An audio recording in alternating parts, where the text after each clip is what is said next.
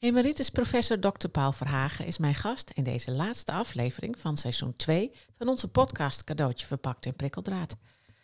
Paul werd als jongetje van 12 jaar losgetrokken uit zijn veilige thuisomgeving. Omdat hij tot de intelligentste kinderen behoorde, mocht hij naar het gymnasium. Maar dat betekende ook dat hij naar een kostschool moest. Hij heeft gehuild vanwege het gemis van zijn thuis en zijn vriendjes en genoten van de mogelijkheden die hij daardoor kreeg. Het heeft zijn leven totaal veranderd. Paul werd uiteindelijk een vooraanstaand psychoanalyticus en klinisch psycholoog. Sinds 2000 gaat zijn belangstelling vooral naar de invloed van maatschappelijke veranderingen op psychologische en psychiatrische moeilijkheden. Hij schreef daar het drieluik identiteit, autoriteit en intimiteit over. Begin mei kwam Onbehagen uit, dat ondertussen al een derde druk kent. Hij heeft een boekenblog die ook in Nederland graag gelezen wordt en je kunt het vinden op boekenblog.paalverhagen.com. In de podcast praten we onder andere over hoe hij als jongetje van 12 omging met zijn emoties, zijn studietijd, zijn mening over de DSM, identiteit en persoonlijkheidsstoornissen, meritocratie, wat een crisis met ons doet en hoe we steeds meer vervreemden van onszelf.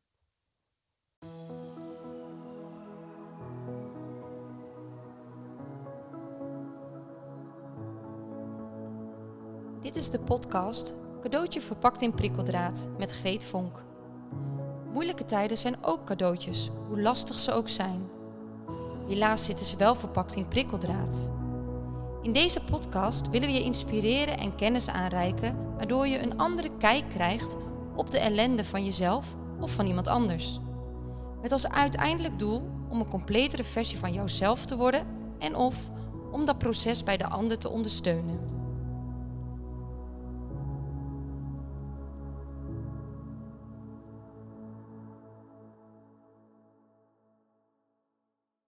Paul, welkom.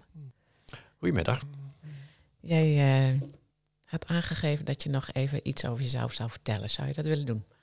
Ja, um, de, het feit dat jullie mij komen bevragen over uh, groei en trauma, dat is natuurlijk geen toeval, omdat ik daar op een bepaalde manier, zonder dat ik dat altijd zo bewust wist, al lang mee bezig ben. Ik ben bezig met een, een boek af te werken met als titel Onbehagen. Um, waarin ik de maatschappelijke veranderingen van de voorbije 20, 30 jaar bekijk. En een van de manieren om dat te benoemen is dat wij geëvolueerd zijn naar een uitsluitingsmaatschappij, waar heel veel mensen uitgesloten worden. En dat zorgt dan voor wat je gemakkelijk is halve kunt benoemen als trauma, op alle mogelijke manieren. Dus ook op dat vlak ben ik er eigenlijk mee bezig. Ja, ja nou, je hebt natuurlijk al heel veel geschreven op allerlei gebieden, wat ook gerelateerd is aan trauma. En je hebt intussen eh, met emeritaat, maar eh, vanuit jouw professionele oh, leven daar ook heel veel mee te maken gehad. En, maar je hebt ook persoonlijk daarmee te maken gehad. Ja, alhoewel ik het, dat zal wel vaker het geval zijn. Op het moment dat je het meemaakt, besef je het niet. Hè? Um, dan moeten we even in mijn geschiedenis duiken. Ik ben geboren in 1955 en ik een plattelandsomgeving. Mijn ouders hebben niet gestudeerd. Mijn vader was schoenlapper. Mijn stond naar school geweest tot zijn zestiende. Mijn, mijn moeder tot haar veertiende, denk ik, huishoudschool. Um, ik ben de oudste van vier kinderen. En toen ik jongetje van twaalf was, was dat de periode in uh, België, maar niet in België, dat was in heel West-Europa, waar de overheid eigenlijk heel sterk inzette op sociale mobiliteit.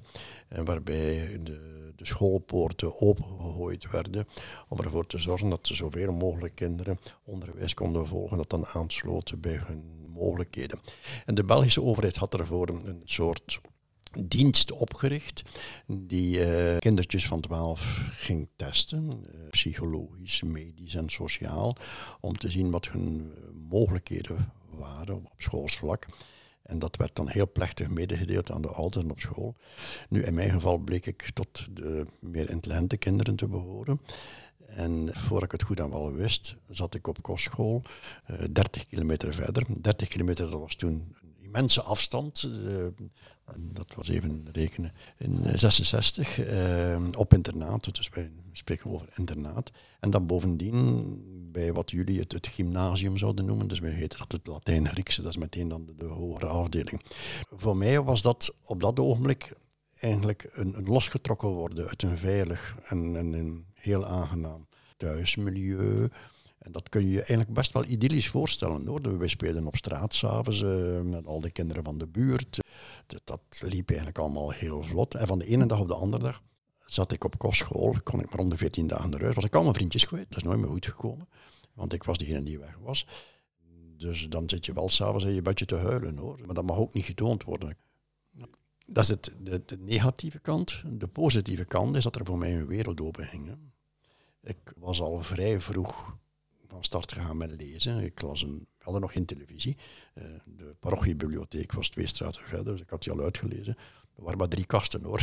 dat is niet meer dan dat. Maar, maar dus voor een twaalfjarige nog best veel, drie kasten. ja, maar goed, uh, je moet je echt er niet zoveel bij voorstellen. Maar ik, ik kreeg geen sturing.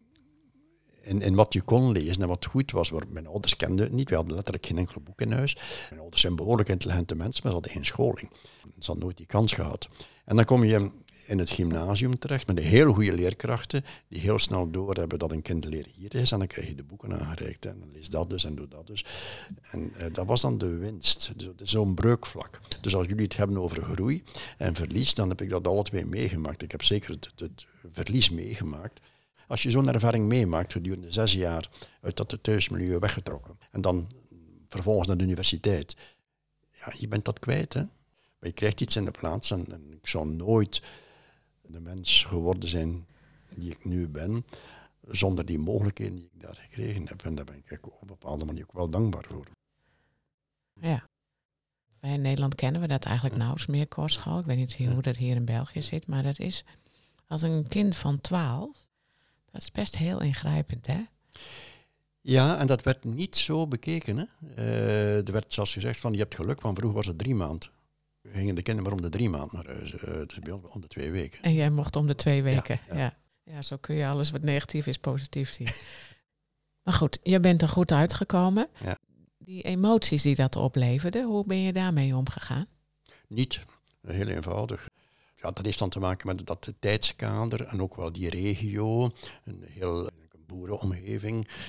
Um, ja, emoties bestonden niet. Hè. Je moest flink zijn. Hè. En, en dat... Uh, werd niet naar gekeken of niet naar geluisterd. En dat duw je dat dan weg. Hè. En, dan kregen wij bovendien nog eens op het gymnasium, dat was dan op de latere jaren, dan was ik al 15, dan kregen we lessen over de stoa, de, de, stoïcijns zijn, de apatheia, de ataraxia, het wegduwen van de emoties, daarboven staan, daarbuiten staan. En dat uh, sloot perfect aan bij de manier waarop wij ermee omgingen natuurlijk. Ik heb er jaren later gesnapt dat dat zeer ongezond was. Ja, precies. Dus jaren later ben je er nog ja. wel mee aan de slag gegaan ook. Ja. ja. Nou, dat is denk ik dan een mooie overstap naar jouw professionele verhaal. Jij bent heel erg, ja, eigenlijk uh, ja, op psychotherapeut opgeleid. 40 jaar uh, ook ingewerkt in dat vak. Ook les gegeven aan de universiteit. Als je nou terugkijkt op jouw periode van in dat werkzaam leven, je bent nog lang niet klaar. Nee, uh, natuurlijk maar als je nu naar terugkijkt, wat zijn de mooiste momenten daarin? Goh, ik denk dat elke periode mooie kanten had en minder mooie. Uh, even beginnen met de studies. Dus ik, dan ben ik 18, ik, ik stap naar de universiteit. Ik wist eigenlijk niet wat ik ging doen van keuze. Ik heb eigenlijk getwijfeld tot op het laatste moment. Uiteindelijk is het dan psychologie geworden. En toen ik in mijn tweede jaar zat, dat heette toen nog kandidaturen, uh, werd hier in Gent de richting klinische psychologie opgericht.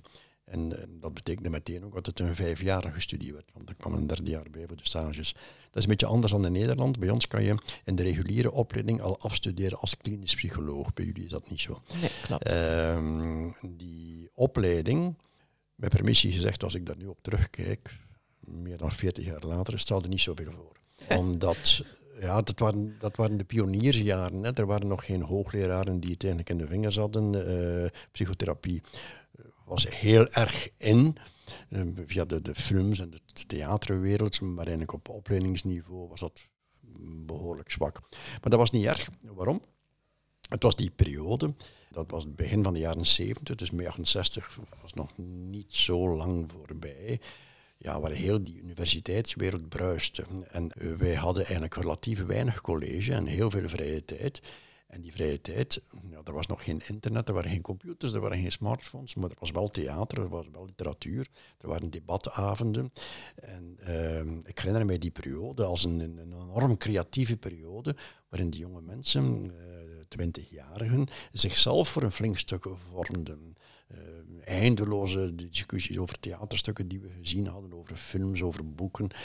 Um, dus dat was eigenlijk heel boeiend. Uh, maar de, eigenlijke vorming op de universiteit was relatief zwak als ik dat vergelijk met uh, de opleiding die vandaag de dag gegeven worden, die veel beter zijn. Nu, om even dan terug aan te sluiten bij wat er straks aan bod kwam rond die emoties. De belangrijkste richting, eigenlijk de enige richting die op dat ogenblik iets om het lijf had binnen die opleiding klinische psychologie. Dat was psychoanalyse. Uh, dus automatisch kozen wij daarvoor. En dan kregen wij natuurlijk heel snel te horen dat als je daarin wilde verder gaan, dat je zelf de analyse moest gaan. Ik heb dat zeer vroeg gedaan, misschien een beetje te vroeg, maar op mijn 23 was ik al in analyse, heb ik vijf jaar gedaan. En daar leer je dan wel, dan moet je die confrontatie met jezelf aangaan. En, dat was dan, ik zal niet zeggen een correctie, want dat klinkt een beetje te didactisch. Uh, maar dat was dan toch wel het noodzakelijke antwoord op, op die tien jaar voordien, waar ik uh, een beetje flirte met dat idee van de stoa en het wegduwen van emoties en het wegduwen van affecten. En dat uh, leverde mij dan een betere manier op om daarmee om te gaan. Ja, en ook om een betere therapeut te worden. Ja, dat was uiteindelijk ook de bedoeling. Ik, na mijn afstuderen ben ik eigenlijk vrij snel in de kliniek gaan werken. En deed dat ook heel graag. Ehm, in eerste instantie met volwassenen, dan met de jongeren tussen 12 en 18. Maar dan kreeg ik de kans aangeboden om te promoveren, zoals dat bij jullie heet. Dus om, wij heten dat doctoreren, om een doctoraatstudie te schrijven hier aan de universiteit. En ik heb dan echt heel lang getwijfeld wat ik zou doen. Ik deed het klinische werk heel graag. Dat was een goede plek waar ik werkte. En dan terugkeer naar de universiteit in dat tijdskader was een beetje precair in die zin dat het niet zeker was dat je kon blijven. Uh, dat was eigenlijk een, een heel moeilijke periode voor de werkstelling, ook in het algemeen, ook daarbuiten. Psychologen vonden nauwelijks werk.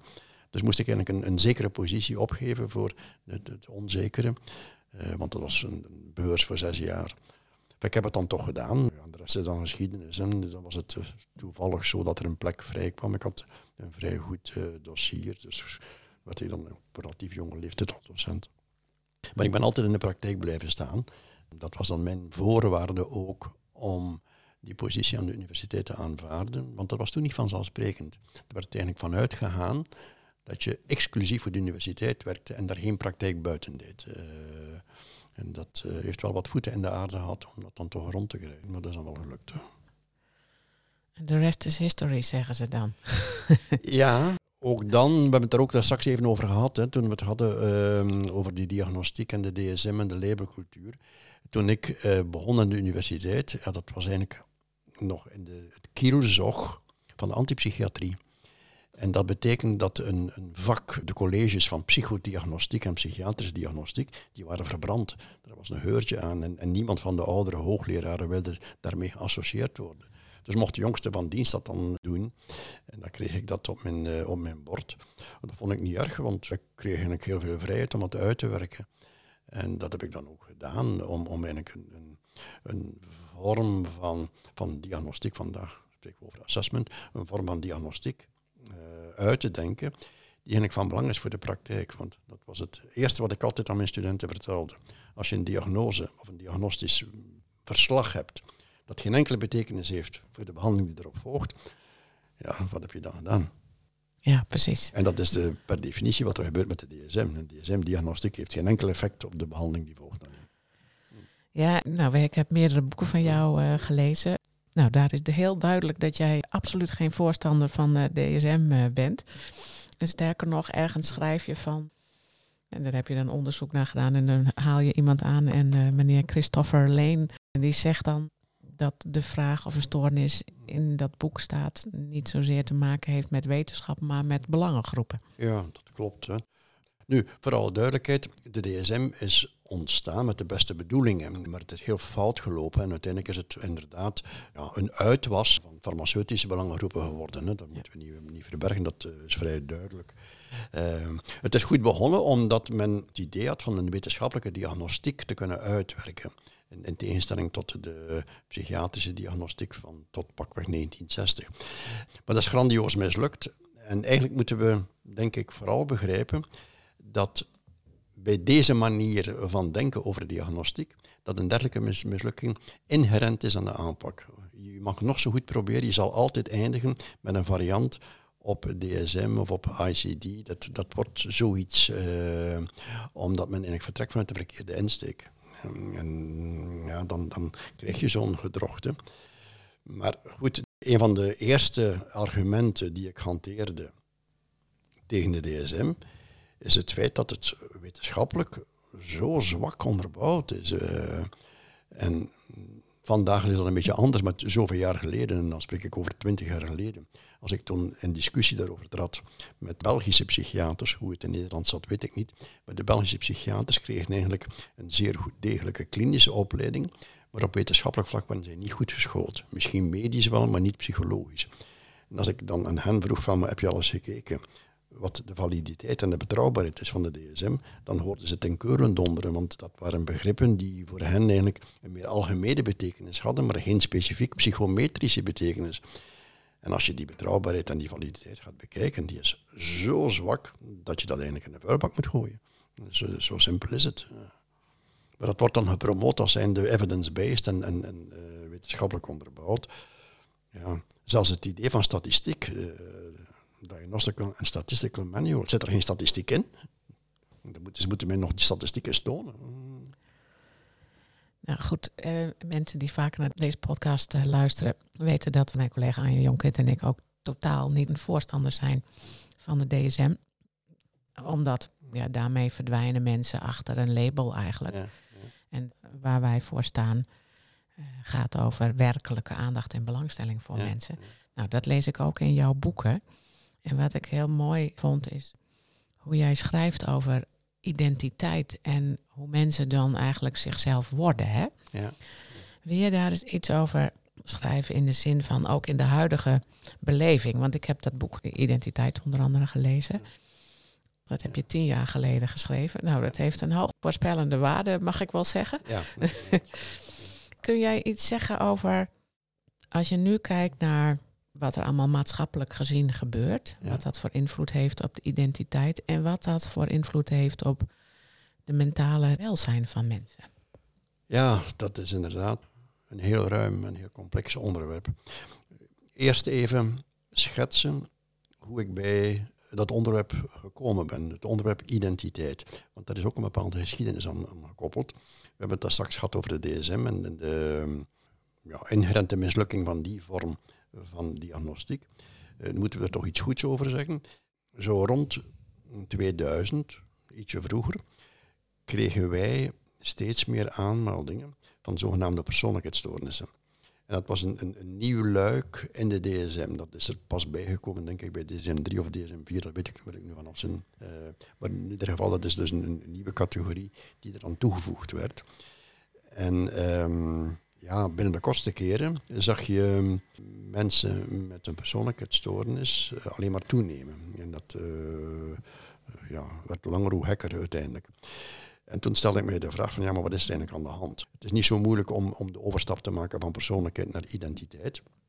Want in de psychologie hebben wij geen exacte begrippen. Dus dat betekent dat we eigenlijk geconfronteerd werden met een enorme stijging van identiteitsstoornissen. Wat vreemd is, want als ik dan naar mijn eigen opleiding keek van uh, pakweg 25 jaar voordien, dan hoorde identiteit bij de colleges ontwikkelingspsychologie. Identiteit was iets wat zich ontwikkelde uh, in een aantal fasen. En op een bepaald ogenblik was dat zo ongeveer af en dan stopte het daar ook. Het idee dat identiteit gestoord zou kunnen zijn, kwam eigenlijk in het plaatje nauwelijks voor.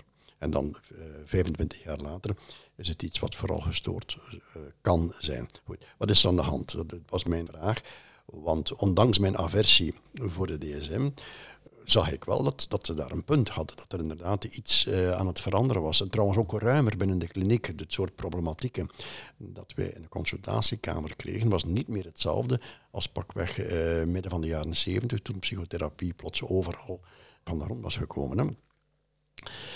Um, en toen ben ik mij die vraag beginnen stellen, wat is identiteit eigenlijk? Hoe komt het dat wij zoveel stoornissen op dat vlak meemaken? Waar gaan we naartoe? En kom je dan, of mond je dan ongeweten uit bij de, de belangrijkste filosofische vraag van alle tijden, met, name de vraag wie ben ik? Hè? Uh, wie ben ik en waarom ben ik wie ik ben en waarom ben ik niet wie, enfin, enzovoort. Mm Dat is dus eigenlijk, en ook de opdracht, hè, de belangrijkste filosofische opdracht, ken uzelf.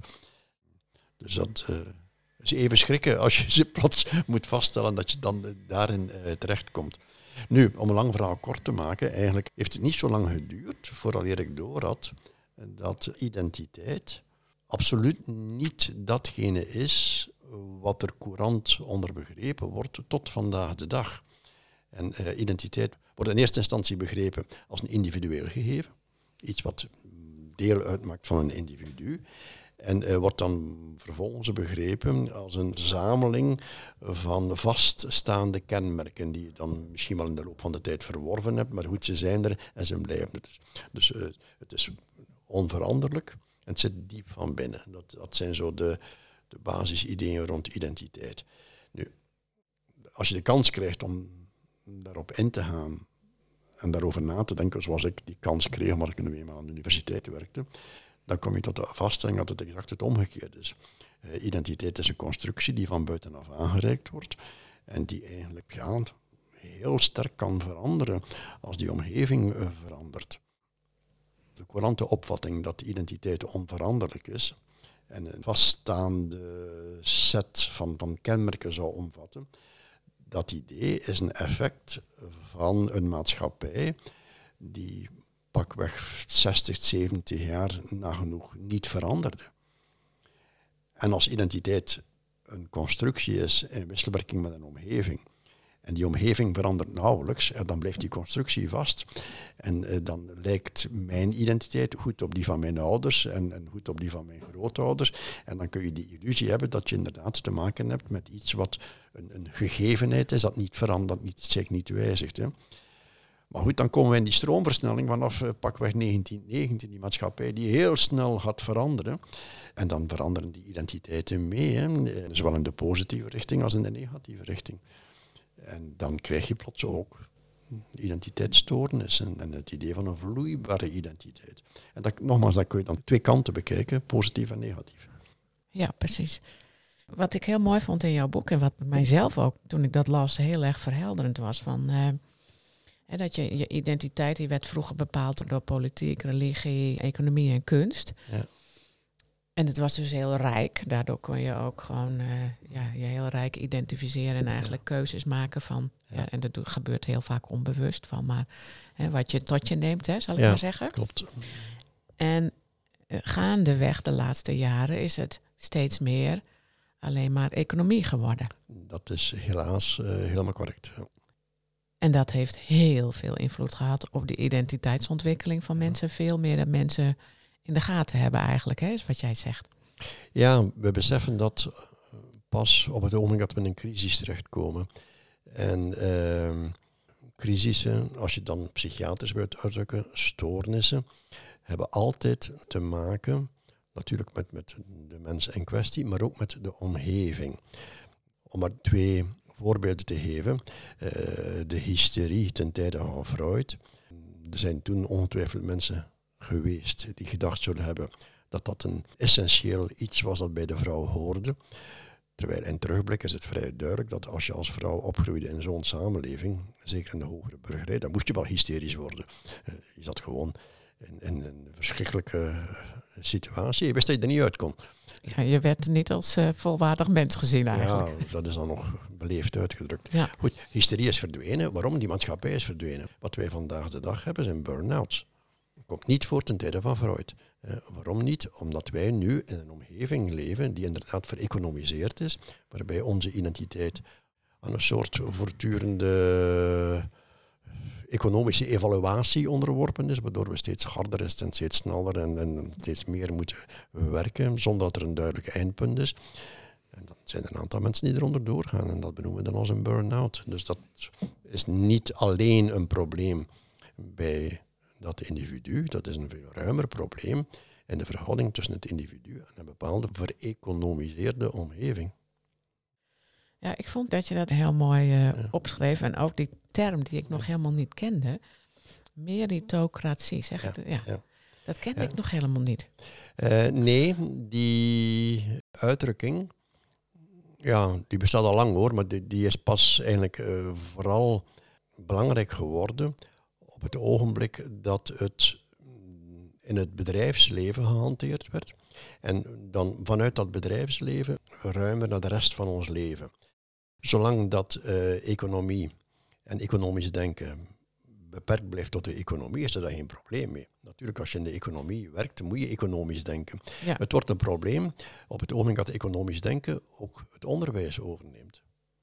En op het ogenblik dat economisch denken ook de zorgsector overneemt. En op het ogenblik dat economisch denken de politiek overneemt. Er zijn politici bij jullie die spreken over BV Nederland. En die Nederland als een onderneming gaan beschouwen. Ja, dat blijft niet zonder gevolgen als je op die manier politiek gaat bedrijven of onderwijs gaat uh, organiseren.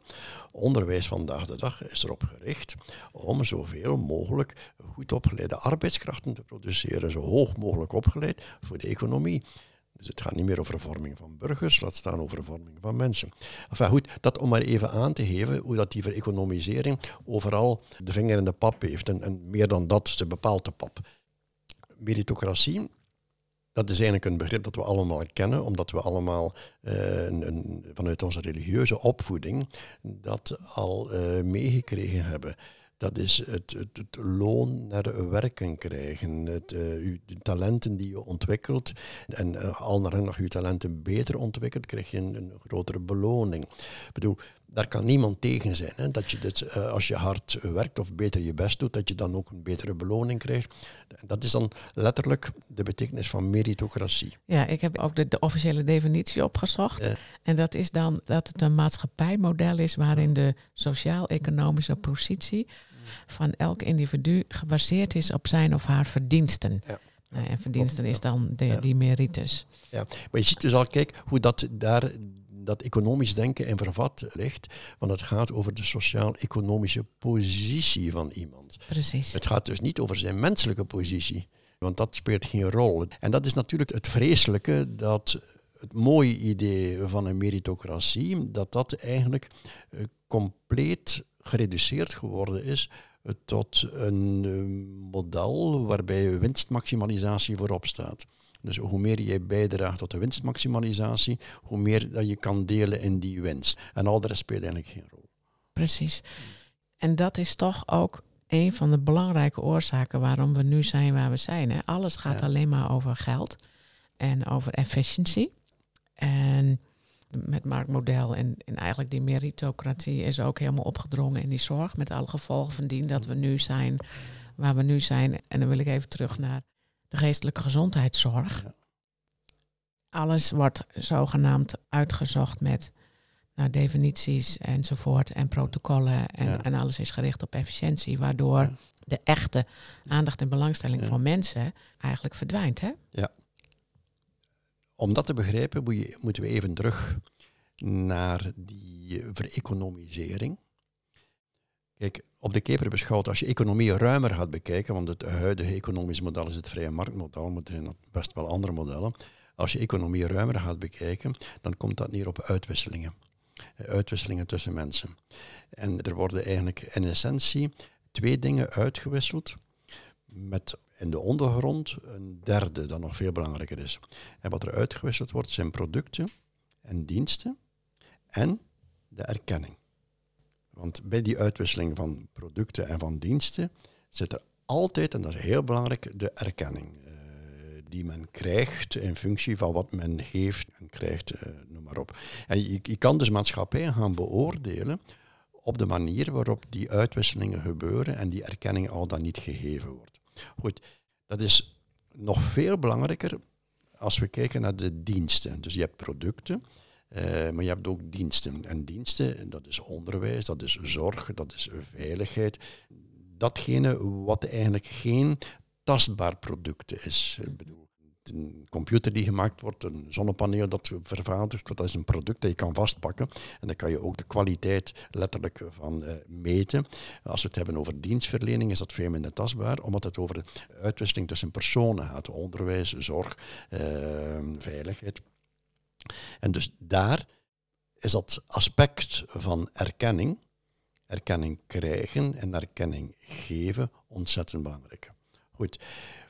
Binnen de, de maatschappelijke evolutie hebben we dat eeuwenlang zo gezien dat dat twee aparte dingen waren. Dat werd dan recent benoemd als de profitsector en de non-profit sector. Wat eigenlijk al heel veel zegt. Hè? Dus de, de mhm. dienstensector werd eigenlijk een beetje stiefmoederlijk aan de kant gezet, want dat was de non-profit sector. Dat was eigenlijk voor uh, de watjes en, en niet echt uh, ernstig te nemen. Dat uh, gaat eigenlijk van start vanaf 1980, grosso modo. Maar dan gebeurt er helaas het volgende. De profitsector ontdekt dat ze toch wel geld kunnen verdienen met die non-profit sector. En daar worden hele stukken overgenomen. Dan krijgen we de vermarkting van de zorg. En dan worden diensten behandeld als producten. Wat eigenlijk niet kan. Dat is een fundamenteel anders iets. Uh, maar toch doet men dat. Men gaat die diensten gaan uh, bekijken als producten. En men gaat die op dezelfde manier gaan proberen te evalueren in termen van efficiëntie.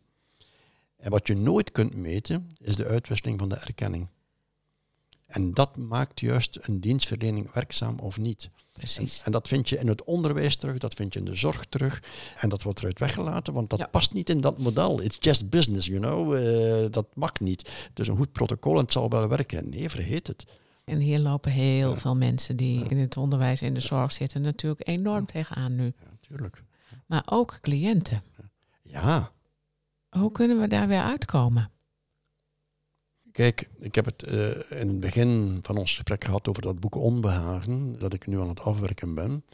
En de grond van het onbehagen zoals wij dat vandaag de dag meemaken, heeft alles te maken met, dat, eh, met die vrije markt die doorgeslagen is, met die vereconomisering. Ehm, het gaat nog veel verder dan de problemen die we in de zorg hebben. Hoor. Uh, nu gaan we eventjes heel breed uitzoomen. Uh, de klimaatverandering heeft er ook mee te maken. De toenemende uh, ongelijkheid op maatschappelijk niveau heeft er mee te maken. En je, je kan daar dus enorm veel negatieve zaken aan koppelen. Op een oorzakelijke manier. Mm Dat betekent dat we echt naar een ander maatschappijmodel moeten. Dus het, het zal niet volstaan een aantal dingen te veranderen binnen de zorg. Het zal veel ruimer moeten. Uh, het, het, economische model zoals wij het nu hanteren, berust noodzakelijkerwijze op groei. Het moet groeien. Nu zitten we natuurlijk in een heel ander uh, gesprek, een economisch model. En groei is vandaag de dag simpelweg dodelijk geworden. Ik maak even een stapje weer naar jou als psychotherapeut, omdat dat misschien een leuk bruggetje is. Nou, jij hebt 40 jaar gewerkt als psychotherapeut. En dan schrijf jij ergens, dat heeft mij geleerd dat echte veranderingen en echte keuzes nagenoeg altijd gebeuren na een crisisperiode. Is dat de koppeling naar waar we nu mee bezig zijn? Dat we zwaar in de crisis zitten en dat we dat dus dwars doorheen moeten om naar dat andere model te kunnen? Je kan inderdaad, denk ik, uh, met de nodige omzichtigheid een vergelijking maken tussen het individu en, en een gemeenschap. En net zoals een, een individu uh, eigenlijk pas echt voor verandering gaat als die een crisis meemaakt, denk ik geldt hetzelfde voor een gemeenschap. Hoor. Zolang dat het, die crisis niet gevoeld wordt, ja, dan kan men daar wel wat over nadenken en doen, maar het, komt er eigenlijk niet. Er wordt vandaag de dag heel vaak de vergelijking gemaakt met de jaren 30. In de jaren 30 zijn er zeer ingrijpende dingen veranderd. Maar de crisis was toen veel groter dan, dan nu. Ik bedoel, wij bevinden ons in een economische crisis, maar een merendeel van ons leidt eigenlijk nog luxe bestaan in vergelijking met het meerdeel van de mensen in de jaren 30 hoor. Uh, we voelen het nog niet echt. Uh, in Oekraïne voelen ze het wel, denk ik, maar goed, dat is dan een ander verhaal. Ja, precies. Ja.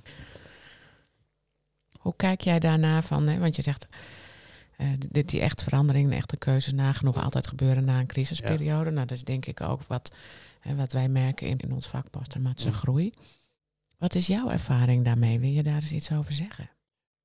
Ja, We hebben het daar straks gehad over identiteit. Hè? Dus identiteit is een constructie, maar natuurlijk na verloop van tijd zal die constructie wel een bepaalde duurzaamheid eh, verwerven. De, manier waarop ik mijn mannelijke identiteit invul, de manier waarop ik mij verhoud tegenover andere mensen, de manier waarop ik mij verhoud tegenover mijn eigen lichaam. Dat zijn allemaal in mijn optiek belangrijke onderdelen van onze identiteit.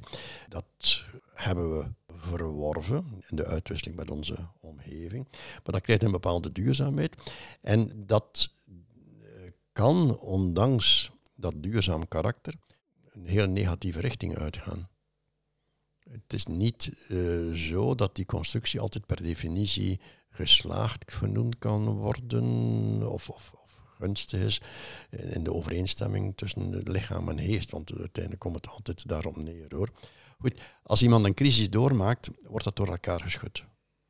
En ik vind dat altijd een beetje grappig, grappig tussen aanhalingstekens, dat is de periode waarin mensen zich afvragen, maar wie ben ik eigenlijk? Ze gaan op zoek naar wie dat ze zijn. En dat is dan gewoonlijk ook de periode waarin ze moeten vaststellen dat ze simpelweg niet weten wie dat ze zijn. En dat ze het ook niet, geen antwoord vinden op die vraag. En dat klopt, want door die crisis, door dat trauma, door die omstandigheden, is dat helemaal door elkaar gerammeld. Ik weet niet meer wie ik ben uh, in mijn mannelijke identiteit, door mijn echtscheiding. Ik weet niet meer wie ik ben professioneel, door de situatie op mijn werk. Ik weet niet meer hoe ik mij moet verhouden tegenover mijn kinderen, want er zijn er ook een aantal dingen die niet meer kloppen. En, en help, wie ben ik dan? Ja, het is een vermorzelaar van je zelfbeeld, van je wereldbeeld, van eigenlijk alles. Ja. En dan kun je veranderen. En veranderen betekent in eerste instantie bewustwording eh, van wat er geweest is en eventueel uit die scherven een aantal dingen oprapen die nog best bruikbaar zijn. Maar eigenlijk ook gaan kijken naar uh, welke richting wil ik uitgaan. Wil ik proberen uit te gaan, want zo eenvoudig is dat natuurlijk niet. Maar je kan wel proberen van het op een andere manier aan te pakken. En dat is vallen en opstaan en zoeken. En het woord groeien is daar eigenlijk wel een mooie uh, omschrijving voor. Ja, dat gaf jij in ons uh, eerste gesprekje aan. Hè? Van, uh, die term posttraumatische groei, die kende je eigenlijk nog helemaal niet, hè? Nee. nee. nee. je bent je daarin gaan verdiepen. Wat zijn jouw eerste reacties? Ja, uh, dubbel. In de zin van, ik vind groei een uh, heel ja, wat betere term dan stoornis. Een posttraumatische stoornis, dat is de klassieke invulling. Maar natuurlijk, ja, dan zit je al onmiddellijk met het idee van, ik ben gestoord. Dat zit ook in de labels, uh, groei. Dat is aan de positieve kant. Het, is, heeft niks mee te maken met het idee van gestoord te zijn en het opent een aantal mogelijkheden. Uh, dat is de positieve invulling. De andere invulling is dat groei voor mij dan toch wel een negatieve bijklank heeft binnen dat economisch model, waar iedereen moet blijven groeien. Uh, je moet altijd hogere targets hebben, je moet uh, boven jezelf uitgroeien. Dat zijn dan die neoliberale slogans waar mensen mee ziek gemaakt worden uiteindelijk. Dus het woordje groei heeft voor mij een dubbele klank. Maar binnen deze context is het zeker beter dan stoornis. Ja, het is wel grappig dat je hierover begint, want we hebben zelf ook wel eens van. Uh, onze missie is posttraumatische groei is bekender maken dan posttraumatische stressstoornis. En soms hebben mensen daar dan een beeld bij dat het altijd moet gaan over groei. Ja. Maar waar, waar, wij eigenlijk voor staan is dat je juist in tijden van ontwikkeling jezelf kunt leren herkennen, erkennen en hanteren. En ja, wat is dan groei precies? Het is een, eigenlijk bewustzijnsontwikkeling, hè? Ja, de, de, invulling van dat begrip zie ik zo voor mij en daar sta ik helemaal achter. Ja, mooi. Als jij dat begrip nou eerder had geweten, die posttraumatische groei, wat had dat professioneel gezien voor jou betekend? Het is iets waar je dan als term beter mee aan de slag kunt om het aan te reiken aan de mensen met wie je werkt. Met als doel? Ja, een richting aan te wijzen, aan te reiken, die beter klinkt en ook meer mogelijkheden biedt. Bedoel, wat zijn de andere omschrijvingen die vaak gebruikt worden? Je, je, moet het trauma integreren, je moet het een plaats geven, je moet het... Dat vind ik allemaal uitdrukkingen die ik eigenlijk zoveel mogelijk vermeden heb, want ik, ik vind dat ze te negatief klinken. De termen die ik zelf gebruikte was of waren termen zoals bewustwording en verandering. Je moet je bewust worden van een aantal uh, zaken.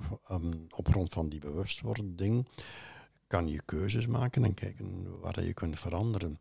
Dus ik zou dan daarbij aansluiten met dat idee van groei. Ja, mooi. Ik wil nog één onderwerp graag met je bespreken. En dat komt ook in jouw boek Identiteit als laatste aan de orde, maar ook in je allernieuwste Intieme Vreemden, ja. essay. Vervreemding. Daar schrijf jij over dat we eigenlijk op grote schaal de weg kwijt zijn. En dat dat ook te maken heeft met machtsverhoudingen. Ja, dat zijn twee heel ruime onderwerpen, uh, vervreemding en, en machtsverhouding. Eerst vervreemding. De, de klassieke invulling van dat begrip komt natuurlijk uit de filosofie en vertrekt eigenlijk bij een bepaalde opvatting, uh, met name het idee dat er zoiets zou bestaan als een oorspronkelijke identiteit, een echt zelf of een ware zelf, dat zijn dan termen uit de psychotherapie van de jaren 70. En dat, die oorspronkelijke identiteit, of dat, um, die, dat echte of ware zelf, zou ziek gemaakt kunnen worden door de omgeving. En dan heel vaak door een technocratische omgeving, een industriële omgeving. Dat idee vind je al bij Jean-Jacques Rousseau in de 18e eeuw. Goed, um, dat is niet de invulling die ik eraan geef, omdat ik net ervan uitga dat identiteit een psychosociale constructie is. Dus er is geen oorspronkelijke identiteit waar je van kan afwijken. En in die zin zou je dan kunnen zeggen dat het begrip vervreemding eigenlijk bij het groot huisvuil kan gezet worden, dat het niet bruikbaar is. Dat vind ik niet, het is wel bruikbaar, maar dan moeten we er een andere invulling aan geven. En dan heb ik het over de vervreemding van ons lichaam en de vervreemding van datgene wat ons lichaam ons laat voelen. En uh, ja, op dat vlak is er wel iets aan de hand de voorbije decennia. Want we, door die rat race waarin we terecht gekomen zijn met z'n allen zonder dat we het beseffen, uh, hebben we steeds minder zicht op wat ons lichaam ons laat voelen. En daar zijn heel hallucinante voorbeelden van te geven. Ja, dat is precies de reden waarom ik het hier graag nog over wilde hebben. Ja. Omdat je nu in de traumawereld heel veel meer inmiddels aandacht krijgt voor lichaamsgericht werken. Ja, hè? klopt, ja. En persoonlijk, of wij vinden dat een zeer goede ontwikkeling. Ja, ik ook. Want het slaat heel erg aan bij wat jij zei. Wat ik dan heel erg interessant vond, was een stukje over de machtsverhoudingen. Dat hoe groter de machtsverhoudingen zijn, dus de invloed van je omgeving, hoe meer je eigenlijk vervreemdt van jezelf. Ja. Kijk, identiteit is een psychosociale constructie. Uh, dat betekent dat wij uh, inhouden en invullingen vanuit onze omgeving overnemen. En daarmee onze identiteit uitbouwen. Dat klinkt een, beetje abstract, maar een heel eenvoudig voorbeeld. Onze genderidentiteit, uh, mijn mannelijke identiteit, is een product van de manier waarop mijn maatschappelijk-culturele omgeving die mannelijke identiteit bekijkt en, en daar verwachtingen rond uh, voorhoudt aan, aan jonge mensen. Maar niet alleen aan jonge mensen, zelfs op volwassen leeftijd of, op, uh, als senior neem je ook nog die nieuwe uh, beelden over en dat verandert mee je identiteit. Goed, waar komt het aspect macht dan uh, aan bod? Die beelden die voorgehouden worden, die kunnen heel dwingend zijn. Daar zie je al één aspect van macht in verschijnen. En ten tweede, ze kunnen ook zeer exclusief zijn, dat er geen andere mogelijkheden zijn. En het, het is altijd makkelijkst om dat in terugblik te zien bij een vorige maatschappij. Uh, ik ben nog opgegroeid in een vrij klassieke uh, katholieke omgeving, uh, waar het geen, niet over een economisch uh, klimaat ging, maar over een religieus klimaat. En net zoals de economie vandaag het onderwijs bepaalde, bepaalde religie toen het onderwijs en, en de cultuur. En je kreeg dus vrij exclusieve, dwingende beelden over hoe dat je je genderidentiteit moest invullen. En er waren geen andere mogelijkheden. Andere mogelijkheden waren ziekelijk, waren gestoord uh, of bestonden niet eens. Dat is een kwestie van macht. Als je dan een maatschappij hebt die daarin een stuk vrijer is en die zegt van ja, je hebt dit, maar je hebt ook dat en je hebt ook dat en je moet even uitzoeken wat er dan best bij jou uh, aansluit. Uh, en misschien kan je onderweg nog eens veranderen ook. En dan heb je plots veel meer vrijheid om, om, om dat zelf in te vullen. En tezelfde tijd wordt het een stukje onveiliger. Hè? Omdat je, door het feit dat je meer mogelijkheden hebt, ehm, heb je ook meer verantwoordelijkheid bij de keuzes die je maakt. Als het alleen maar dwingend is, en dan kan je er tegen schoppen, je er tegen afzetten, maar dan blijft het wel heel erg veilig. Ja, precies. Ja. Nou, dit is, ik wilde hier graag mee afsluiten, omdat dit nu toch wel een Hm. beetje gaande is in onze maatschappij. Hè? Zonder dat we dat in de gaten hebben, zitten we, nou, waar we het net ook al even over hadden, in een red race met z'n allen. En mijn collega noemde dat heel mooi. Eh, Eigenlijk zijn we allemaal vrijwillige slaven inmiddels van, Ja. van wat er Ja. allemaal gebeurde. Ja. Met alle gevolgen van dien. En het zou toch heel fijn zijn dat mensen zich daar veel meer bewust van eh Ja, worden. die eh, bewustwording is voor mij het eerste stap naar verandering. En bewustwording is heel vaak gekoppeld aan pijn en aan, aan crisis. Hè. Dat is eh, het prijskaartje dat eraan hangt, vrees ik. Precies. Ik denk dat we daarmee een mooi, mooie cirkel hebben gemaakt. Want daar gaat het natuurlijk over in deze podcast. Posttraumatische groei is, is dat je nou ja, bewuster kunt worden over identiteitsverruiming, kunt realiseren door ellende. Maar die ellende is niet fijn en zal het ook nooit zijn. Klopt. Eh, Paul, hartstikke bedankt. Voor je stopt met luisteren hebben we nog leuk nieuws. Op 17 augustus komt ons boek Cadeautje verpakt in prikkeldraad van klacht naar kracht uit. Paul Verhagen schreef het voorwoord van ons boek. En je kunt het nu in de voorverkoop kopen met een flinke korting. Kijk daarvoor op onze website www.et-emergo.nl dus www.et-emergo.nl Zoals in de intro al aangegeven, is dit de laatste aflevering voor de zomervakantie van onze podcast. We wensen je een fijne zomervakantie en zien je graag terug na de zomervakantie bij seizoen 3 van onze podcast Cadeautje verpakt in prikkeldraad. Dankjewel voor het luisteren naar deze cadeautje verpakt in prikkeldraad podcast. We willen nog graag een paar belangrijke dingen met je delen. Als je enthousiast bent over deze podcast, dan zijn we blij met een review. Daarmee help je ons bij onze missie. Je kunt de podcast natuurlijk ook doorsturen aan mensen van wie jij denkt dat ze er ook iets aan hebben. Wil jij voortaan alle nieuwe podcastafleveringen overzichtelijk op een rijtje? Abonneer je dan op deze podcast. Heb je vragen of ideeën voor deze podcast? We horen het graag.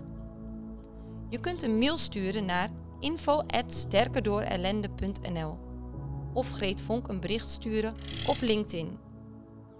Zoveel mensen kunnen profiteren van een andere kijk op ellende. Het is daarom onze missie om PTG bekender te laten worden dan PTSS. Wil jij meer weten over PTG of bijdragen aan onze missie?